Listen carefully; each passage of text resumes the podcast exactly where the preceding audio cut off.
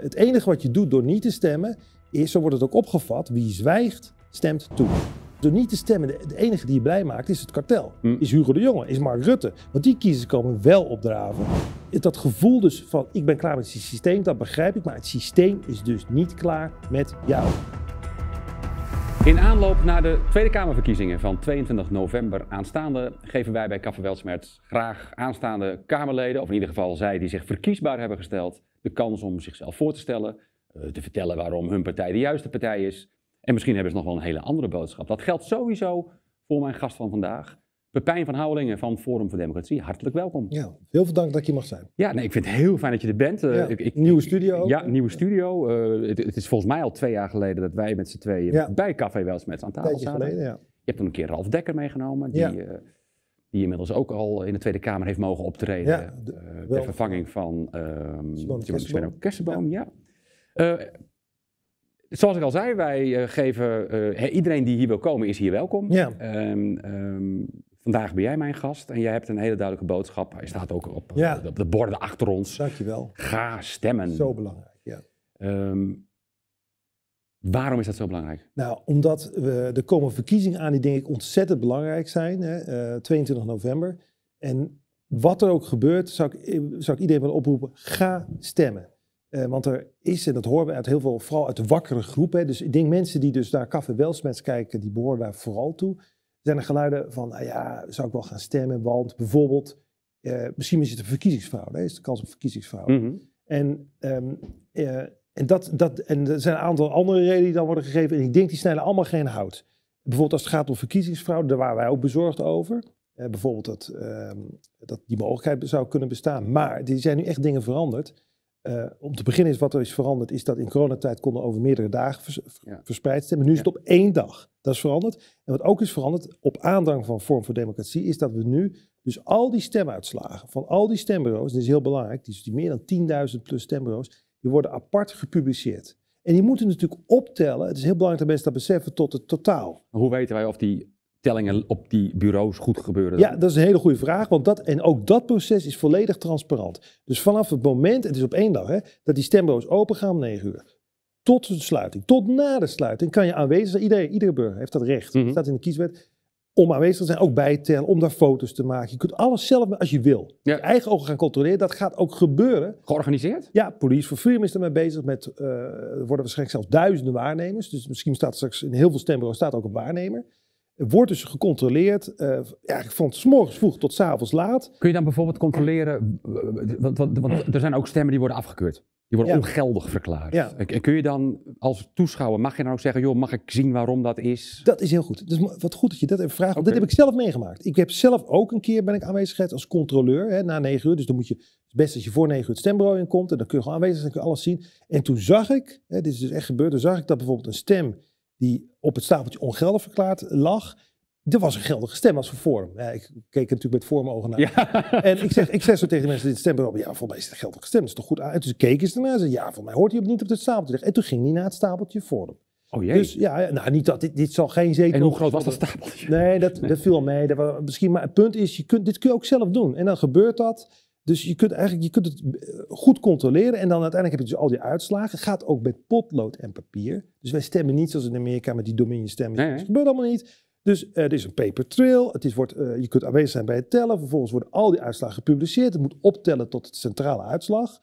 Dus ja, dat, in mijn ogen is dat, ik heb er alle vertrouwen in, is dat eigenlijk waterdicht. Ik, dus dat, argument van fraude, daar hoeven mensen zich echt eh, geen zorgen over te maken, denk ik. Heb ik het juist dat Ja. er wel is ge- ge- gezegd dat het hertellen over meerdere dagen wordt verspreid? Ja, dat is ook een hele goede vraag. Inderdaad, het Ik ben goed zo. bezig geloof ik. Ja, ja inderdaad. Nou, ja, je, je haalt- dus het is zo dat in, eh, het kan, zou kunnen gebeuren dat, dat is nu een, eh, dat is in de wet opgenomen, dat heeft Hugo de Jonge ook gezegd, dat als tellers moe worden, dat ze zeggen, nou, we gaan verder tellen de dag en Dat, was, ken ik uit Amerika. Ja, dat ken ik uit Amerika. En dat is, vind ik ook geen goede zaak. Maar dat hebben we ook bij vorige verkiezingen gezien. Dat gebeurt eigenlijk niet of nauwelijks. Want dat is voor, voor, bij vorige verkiezingen was ook nooit het geval. Dus die mensen in het stembureau willen gewoon werk afmaken. Dat zie je eigenlijk ook bijna alle stembureaus gebeuren. Dat is eigenlijk meer een soort optie die in de wet is opgenomen. Maar ik verwacht daar geen problemen mee. Dus ik, ook daar ben ik echt niet echt bezorgd over. Dat ging, dat ging ook de vorige keer goed. Dus wat mij betreft is het systeem... Ja, het kan natuurlijk nooit 100% gegaan. Je kunt niks garanderen in het leven. Maar het is echt wel eh, goed geregeld in Nederland. Dus dat argument is een van de argumenten die ik vaak hoor.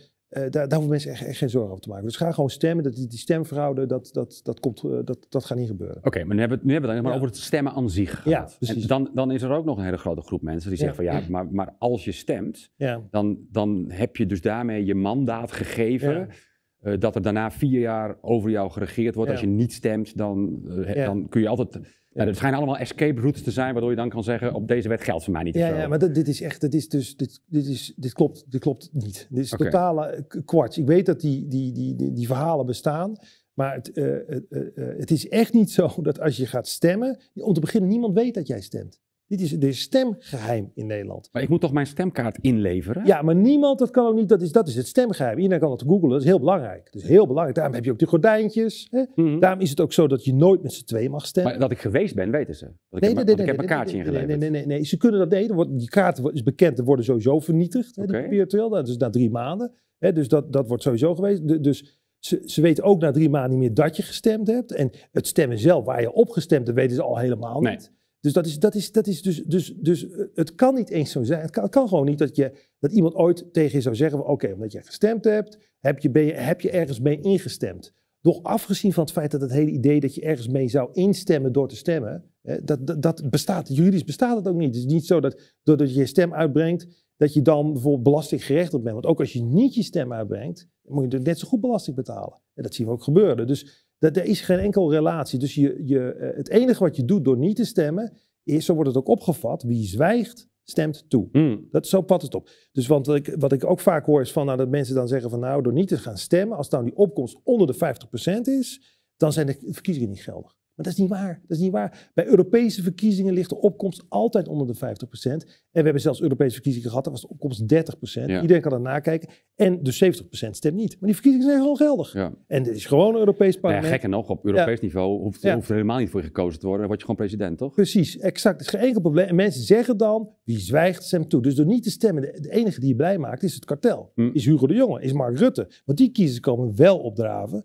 Dus uh, dat idee dus dat je iets legitimeert of dat je door niet te gaan stemmen dat je het systeem zou kunnen ondermijnen. Kijk, het, het, punt is, ik snap dat gevoel. Hmm. Ik begrijp het gevoel. Ik ben helemaal, ik ben klaar met het systeem. Dat is het gevoel dat heel veel mensen hebben, met makkere mensen vooral. Ik heb dat ook. Kijkers van Café Welts, mensen hebben dat denk ik ook van heel groot. Maar dat is heel tegenstrijdig, Pepijn, want jij zit in het systeem. Jij, jij bent echt een onderdeel van die Kamer. Ja. Maar, maar, begrijp ik nou goed dat jij daar met een ander doel zit dan om uh, want, ja, ja ik ben, wij zijn jouw rol is om, om, om oppositie te zijn. Ja.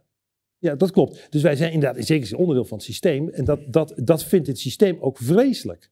Dus iedereen kan dit ook controleren. Hè? Dus de PVV beweegt al een beetje toe richting mm VVD. Hè? Dat hebben we gezien bijvoorbeeld. Ons, en iedereen kan het zelf controleren. Dus doe dat vooral. Ze kunnen ons, ons bloed wel drinken daar. We krijgen geen hand. Boeken worden niet aangenomen. Ze willen de partij verbieden. Bij de vorige uh, Prinsjesdag, het hele kabinet liep weg. Ehm, dus ze, ze, ze kunnen ons niet lucht of zien. Hè. Hugo de Jonge die geeft geen antwoord. En dat komt omdat ja, wij de, je, zult ons ook nooit zien smoesen of zo met, het, leden van het kabinet. Wij zijn een keiharde oppositie. Dat is wat wij zijn. Dus inderdaad, we zitten in dat systeem. Binnen dat systeem voeren we keiharde oppositie. En daar worden ze, daar worden ze echt helemaal gek van volgens mij. En het feit, die weerstand die we ondervinden, iedereen kan dat controleren en dat heeft geen enkele andere partij. Maar, Laat zien dus dat, laten we zeggen, dat we in ieder geval ehm, dat systeem goed kunnen dwars zitten binnen dat systeem, omdat we natuurlijk, ja, als Kamerlid bijvoorbeeld, bepaalde rechten die burgers niet hebben. Je kunt Kamervragen stellen. En dat maakt het denk ik toch nuttig om te stemmen, want Kijk, als er bijvoorbeeld geen, uh, helemaal geen oppositiepartij zou zijn, zou ik ook kunnen denken, ja, waarom zou je dan nog stemmen? Maar er is echt harde oppositie in Nederland. Kan ik, kan ik me dan zo voorstellen? kan ik me dan zo voorstellen? Want ik heb hier, vorige week heb ik jouw grote vriend en collega Thierry Baudet aan tafel gehad. En uh, daar hebben we het even gehad over het gedrocht dat formeren heet. Waarna je dus de helft plus één, eigenlijk over iedereen vier lang, gewoon in feite zijn gang kan gaan. Dus de conclusie was toen een beetje dat als je in de oppositie zit in de Tweede Kamer, zit je dagelijks voor spek en bonen. Ja. Je krijgt af en toe eens een keer in de marge krijg je een motietje zo half toegekend. Maar dat is dan waarschijnlijk al, ja. zat dat al in de, in de plannen ingebakken dat er wat ruimte was om weg te geven. Mag ik dan voorzichtig concluderen dat wat jullie in de Kamer doen veel meer bedoeld is om de mensen thuis ja, Kijk, wij zijn... Te informeren over het, gedrocht wat Kamer heet. Exact. Wij zijn, we zitten in een, denk ik in een informatieoorlog. Ja. En in, dat, in die informatieoorlog is dat podium wat de Tweede Kamer biedt... en de mogelijkheden die, die de Tweede Kamer biedt, is heel nuttig. Het is gewoon een zwaar wapen als het ware. En het is heel, heel, heel zonde als we dat ons uit handen laten slaan, hè, als we dat niet meer hebben. Dus wat wij daar doen in de Tweede Kamer, wij begrijpen ook wel dat we geen wetten aangenomen krijgen. Toch komen we trouwens met initiatiefwetsvoorstellen, onlangs nog over het referendum.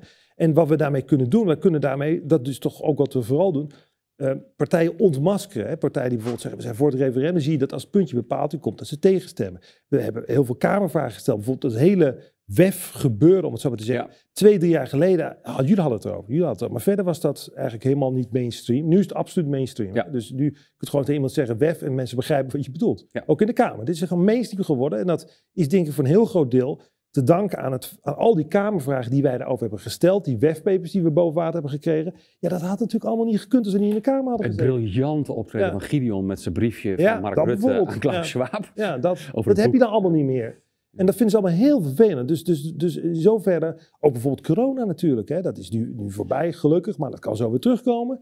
En ja, er was toch maar één partij, zeg het dat het anders is, die, die tijdens de coronatijd de hele tijd zijn rug recht heeft gehouden en het heeft opgenomen voor onze grondrechten, onze vrijheden. Dat was, ja, dat was vorm van democratie. En dat was er dan ook niet geweest. Dan hadden ze allemaal hetzelfde lopen zeggen. En ik, ik ben echt trots op in zoverre dat je dus nu ook ziet dat mensen in de mainstream die wakker beginnen te worden, beginnen debatten terug te kijken. Bijvoorbeeld Leon de Wind had een, een mooi stuk in de Telegraaf onlangs, waarin hij bijvoorbeeld uh, het over had dat in een debat in mei van dit jaar, dat minister Kuipers had gezegd, ja, we weten niet, we weten niet wie aansprakelijk is voor, die, voor, die, voor eventuele vaccinschade. Of wij dat zijn, of de producenten dat zijn, weten we niet. Had heel groot stuk over geschreven, vond hij idioot, hè, terecht. Uh, maar wie had die vraag toen gesteld in mei? Vorm van Democratie. Ja. Reken maar niet dat een andere, andere partij überhaupt die vraag aan de minister had gesteld. Dus we hebben ook dossier opgebouwd, dossiervorming, ook heel belangrijk. Dus, dus het heeft echt nut om te gaan stemmen. Want als wij er niet zijn, ja, dan zijn zij wat blij mee. En dan kunnen we al die dingen niet meer doen. Hm. Maar even om nog af te maken wat ik net zei, wat echt heel belangrijk is.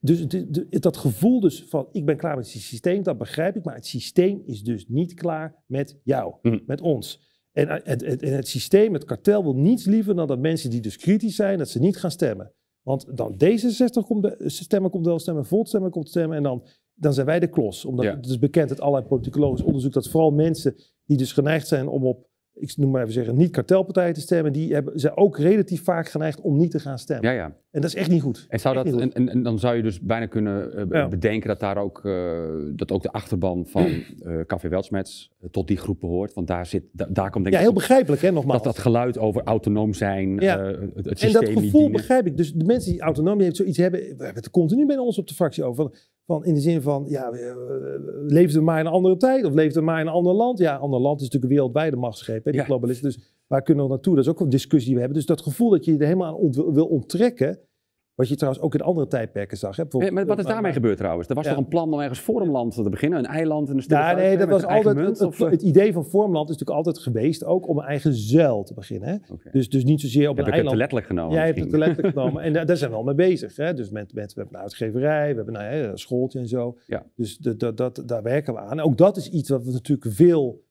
krachtiger kunnen gaan vervolgen en inzetten als we dus, als we dus uh, uh, in de Kamer komen met meer zetels. Uh, dames, ook, het is dus het is echt heel belangrijk om te gaan stemmen op 22 november.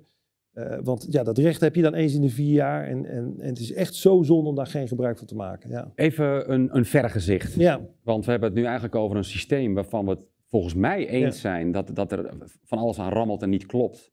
Ja. Uh, dat het, en, je moet wel, wel een hele bizarre uitslag krijgen, wil je het systeem kunnen veranderen. Ja. Maar stel nou eens even dat, uh, dat FVD samen met nog een aantal partijen die ehm, er over het systeem net zo over denken, in, in staat zijn om ons politiek stelsel op de schop te gooien. Ja. Hoe zou het er dan na de verkiezingen uit moeten gaan zien, dat politiek stelsel? Nou ja, wat eerst dat we zouden invoeren, dat zegt Thierry ook vaak, en dat is, daar ben ik het helemaal mee eens, is dus is een uh, referendum. referendum. We hadden heel veel problemen nu niet gehad als we dus referenda hadden gehad en als die referenda-uitslagen ook waren opgevolgd. Ja, bindende referenda. Ja, uiteraard ja, binnen de referenda. Bijvoorbeeld het associatieverdrag waar onze politieke beweging is, uit is ontstaan. Het inlegvelletje. Ja, het inlegvelletje is natuurlijk genegeerd en ik denk echt dat dat de twistappel is geweest. Dat, dat zegt men nou ook, van die vreselijke oorlog in Oekraïne. Dus stel je nou toch eens voor dat ging dat het opgevolgd en dat het Oekraïne-verdrag niet was geweest, dan was ik denk echt dat een kans, een aanzienlijke kans was geweest omdat die vreselijke oorlog nogmaals, zijn honderdduizend mensen nu dood, Hm. niet was uitgebroken. Voor, maar hoe, hoeveel beter dat dan niet was geweest. Ja. Of dat referendum in 2005 over de Europese grondwet, wat het verdrag van Lissabon is geworden, waar die hele Europese Unie dus illegitiem, hè, want we hebben dat verdrag afgekeurd in 2005, op is gegrondvest. Die vreselijke Europese Unie, die nu bezig is met een Digital Service Act, met censuur, al die dingen, al die dingen. Ja, we nou ook niet Nou gehad. ja, gekker nog. En Dus, voor, voor een groot ja. deel onze eh, politieke Ja. eh, regering ook weer buitenspel heeft gezet. Want Er wordt gewoon van Europees Ja, ja, je ziet niveau van de Kamer. opgelegd. Ja, de bij de, je ziet het bijvoorbeeld heel duidelijk nu. Dat speelt deze week met de, de digitale identiteit, hè, de Europese digitale identiteit. Daar heeft de Kamer van gezegd, dat willen we niet. Maar nou, eh, dat is heel zeldzaam, hè, dat de Ja. Kamer eens een keer zijn rug recht houdt. We Ja. willen niet, we willen niet. En de regering zegt, dat zeggen ze gewoon, nou, je kunt, je kunt zoveel willen, leggen die motie naast ons neer, we gaan het toch doen. Ja, Dus ontraden. ja, ontraden, ja. Dus, eh, Maar we waren ja. nog met ons vergezichtje Ja. bezig. hè? Dus het referendum invoeren, Ja, is bindende referendum invoeren. En dan? Hoe gaat dan het, het, het, het, eh, het, het eerste Tweede Kamermodel? Moet daar nog iets gebeuren? Eh, nou ja, wat, wat wij zijn dus een voorstel, voorstander van die wisselende meerderheden. Hè, wat Shelly hier ook heeft verteld. Mhm. hè. Dus dat, eh, dat lijkt me inderdaad veel beter. Dat je dus niet een situatie krijgt waarin dus eh, in feite een paar partijen de rest helemaal buitenspel zetten. Waardoor die paar partijen ook de bevolking niet meer vertegenwoordigen. Want die kunnen het niet vertegenwoordigen. Dus een meerderheid wordt, niet de meerderheid, maar een hele grote groep van de bevolking wordt buitenspel gezet. Ja. Dat je dat niet meer hebt. Dat je dus wisselende meerderheden hebt. Dat je als Kamer op hoofdlijnen stemt. En dat je dan ministers aanstelt die dat zo goed mogelijk moeten uitvoeren. Ja. En dat, dat is ja, dat is zo logisch, zo systeem ook bedoeld. Eh, dus dat zou al een veel beter systeem zijn. Ja, je kunt nog veel meer doen. Je kunt, eh, Heel lang Ja. geleden. Ik zeg heel lang, maar het moet al een jaar of vijf, zes geleden zijn. Heeft Maurice de Hond hier eens bij, weet niet, meer, bij Weltsmets volgens mij verteld over een minderheidskabinet. ja, Met een, met een zakenkabinet. Hoeveel, hoeveel beter dat zou zijn. ja. Dat, dat was wat bij mij dat kwartje ging vallen. Dat ik, en toen ben ik me ook gaan afvragen, hè, maar hoe, hoe zijn wij dan ooit met z'n allen in dit model gerommeld? Ja dat, dat, voor mij is dat op zich wel duidelijk. Ja? Dat zal jij ook dus onmiddellijk zien, want het, het draait ook allemaal om macht. En- Jazeker. En wat er gewoon gebeurt elke keer na de verkiezingen, is dat dus een paar partijen, die proberen de hele koek te pakken. Maar het is een Op het moment dat je het is heb je gewoon een hele, hele koek, Maar, samenpakken. maar ja. waar is dan die ongeschreven doen. afspraak gekomen dat er, dat er een coalitiemeerderheid moet worden gevormd na de verkiezingen die vier jaar lang regeert? Dat, dat- ergens is dat begonnen. Ja, dat, zou, dat is een heel interessante vraag. Dat, zou een histori- dat is al een tijdje zo dit natuurlijk. Hè. Een historisch onderzoek Ja. moeten doen. Maar, eh, en dat heb ik niet gedaan, dus dat weet ik niet. Maar, dat weet ik dus niet. Maar het lijkt me, in ieder geval, als we dat zouden gaan onderzoeken, vermoed ik dat de kans heel groot is dat wat we vinden, is dus dat op een gegeven moment die partijen dachten van die samen meerderheid kunnen voeren. Dat is handig. We hoeven met de rest immers helemaal geen rekening meer te houden. Zo werkt het dan. Ja. Dus ja, logisch, ik snap het vanuit het perspectief van die paar partijen, snap ik dat wel. Ja. Ja. En dat smaakt, want de volgende keer kunnen andere partijen dat weer hetzelfde. Ja, als je eenmaal aan de macht bent, kom je er nooit meer vanaf op deze manier. Nou ja, na verkiezingen dan eh, Ja. kunnen natuurlijk partijen. En dan, maar dan denken diegenen die dan gewonnen hebben, nou gaan wij het doen via. ja. ja. En op zich is het niet eens een heel vreemd stelsel, omdat het natuurlijk bijvoorbeeld in Amerika met twee partijen staat, werkt het eigenlijk altijd zo. Hè? Dus, dus het is, ik snap ook wel dat, dat zoiets op een gegeven moment ontstaat. Maar bij- twee partijen heb je het grote voordeel natuurlijk dat je dan één partij in principe aan de macht hebt. Ja. En dan heb je dus niet, dat is ook een groot probleem. Wij hebben de illusie dat we met meerdere, dat we meerdere Ja, keuzes maar, vooral, hebben. ja, ook, maar wat ook een probleem is, is die, dat is ook, ook eigenlijk een probleem, is in, eh, die compromis. Eh, Dus klinkt goed, hè, compromis, hou je rekening met anderen. Maar wat er vaak betekent in coalitieverband, is dat de kiezer, de Nederlandse kiezer, twee keer iets krijgt waar hij niet om heeft gevraagd. Dus bijvoorbeeld, hè, dat was ook voor mij daadwerkelijk een compromis. We kregen de, die Joint Strike Fighter. Dat was helemaal niet populair in Nederland. Die kregen, want dat was een uitruil voor meer ontwikkelingshulp. Ja. En Dus, maar daar duizend, zit, daar zit Nederland ook niet op te wachten. en die duizend euro kreeg niemand, Nee, nee. want die was weer weggegeven. wordt gewoon twee keer ja. gepakt. Ja, ja, ja. En zo werkt het. En dat heeft dus niks meer te maken met, en daarom zijn referenda zo belangrijk, met wat de meerderheid van de bevolking wil. En ja, zo gaat dat heel vaak. Ja. En dat, ja, daar zijn wij natuurlijk, eh, we hebben ook gekozen burgemeesters trouwens. We willen gewoon het, het hele stelsel moet natuurlijk op de schop.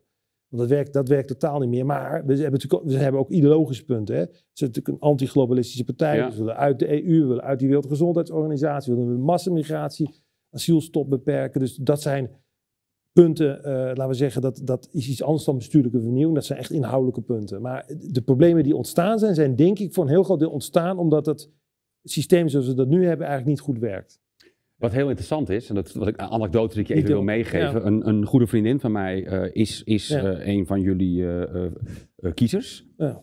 En als ze dat zegt in haar omgeving, dan wordt ze eigenlijk meteen beschimpt. ja, En toen is ze voor de grap eens een keer met jullie, eh, ik meen 12 punten. eh, eh, Ja. Heeft ze dus niet gezegd dat het FVD-punten zijn, maar heeft ze in, in vriendenverband gewoon verteld, nou ik vind dat. ja. En dus gewoon één van die 12 punten. En dan kreeg ze over alle punten ongeveer volledig Ja. bijval. Dus een ik, hele- ja, ik hoor dit heel vaak. ja? Ralf Dekker, hè, die zegt het ook vaak van dat, dat in zijn omgeving dat hij hetzelfde hoort.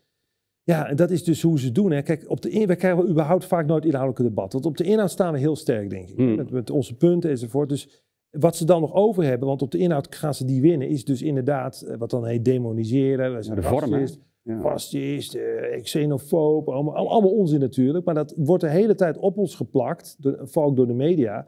En je ziet helaas dat dat toch werkt. Eh, Zeker als je ons dan ook nog voor een groot deel doodzwijgt vervolgens, waardoor we geen weerwoord kunnen bieden. Dan denken mensen, ja, er is iets aan de hand met die partij. Ja, daar ga ik toch maar niet op stemmen. Ja.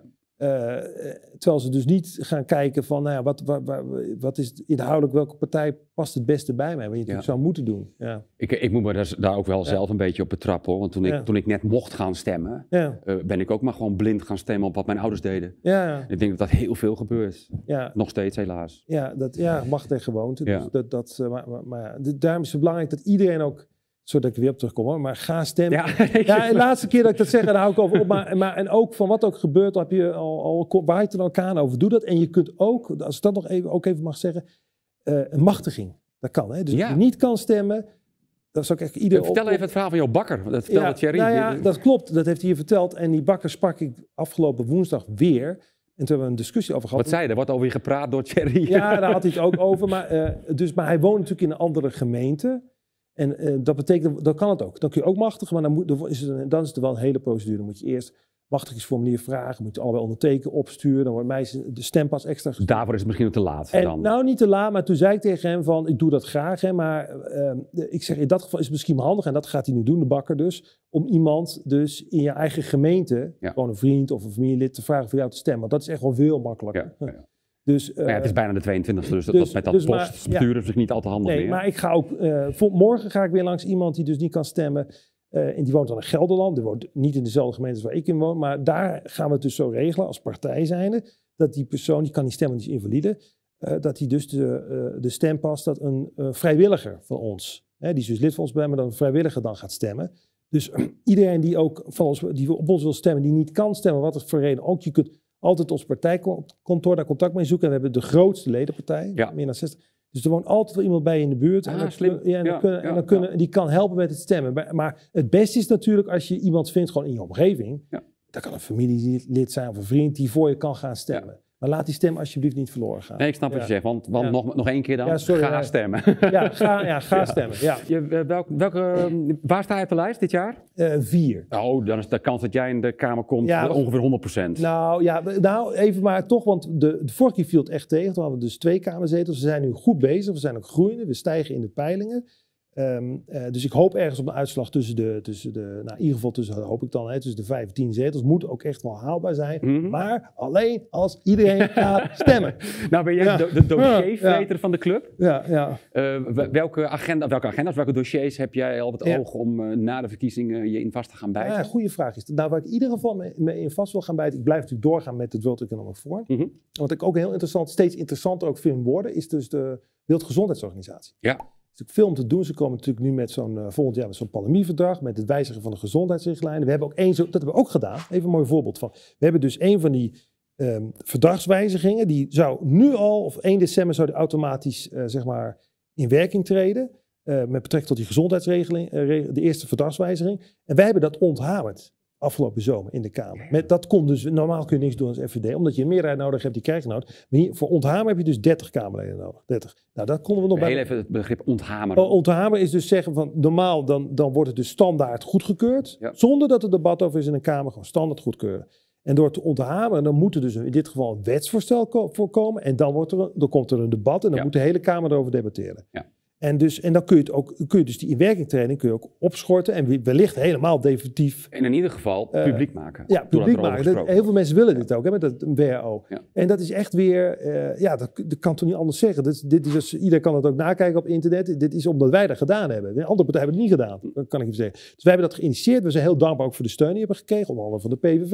Anders hadden we die 30 zetels niet gehaald, dus dat is allemaal heel mooi. Dus ook goed samenwerken. Maar eh, dat is weer iets, daar zitten wij echt bovenop. Met dank ook de steun ook van dit hele netwerk Café Weltsmet. Want ik krijg ook heel veel suggesties altijd toegestuurd per mail. Hè, dus we weten ook niet alles. Dus dan, als heel veel mensen mij mailen over de WHO, daar ga ik, ga ik eens in verdiepen. hè. Ja, ja. Dus zo is dat gegaan. En, ehm, en eh, er, komt dan, er komen nog meer verdragswijzigingen. Je hebt dus de pandemic, pandemic Treaty, dat komt ook wel volgend jaar. Dus dat zijn wel even, dat zijn denk ik hele belangrijke thema's waar ik even goed in wil duiken. Dus dat, dat, dat in ieder geval, ja, dat, ik zal me ongetwijfeld nog meer bij gaan bezighouden. Maar dat is in ieder geval een van de onderwerpen waar ik me als ik herkozen word, en dat is natuurlijk aan de kiezer, dat is aan de kiezer, maar... Nou, dan moeten ze wel gaan stemmen. Ja, en dan moet, ja, ja, inderdaad, dan moet je gaan stemmen. Ja, anders gebeurt het niet. Nee, ja, dat kan je niet doen. Ja. Ik vond het ongelooflijk fijn je weer aan tafel gehad te hebben. En ik hoop je na de verkiezingen snel weer een keer te mogen hebben om te Ja, altijd, ik kom hier altijd heel Leuk. graag, uh, zoals je weet. Heel veel succes uh, in de aanloop na de 22e en nog veel meer succes daarna in de Kamer. Ik ga er maar even vanuit dat je er weer gaat zitten. Ja, dat hopen we, ja. En uh, heel graag tot de volgende keer. Dankjewel. Jullie ook succes. Dank je. Dit was Pepijn van Houwelingen van Forum voor Democratie en dit was Café Welsmets voor deze uitzending. Dankjewel voor het kijken.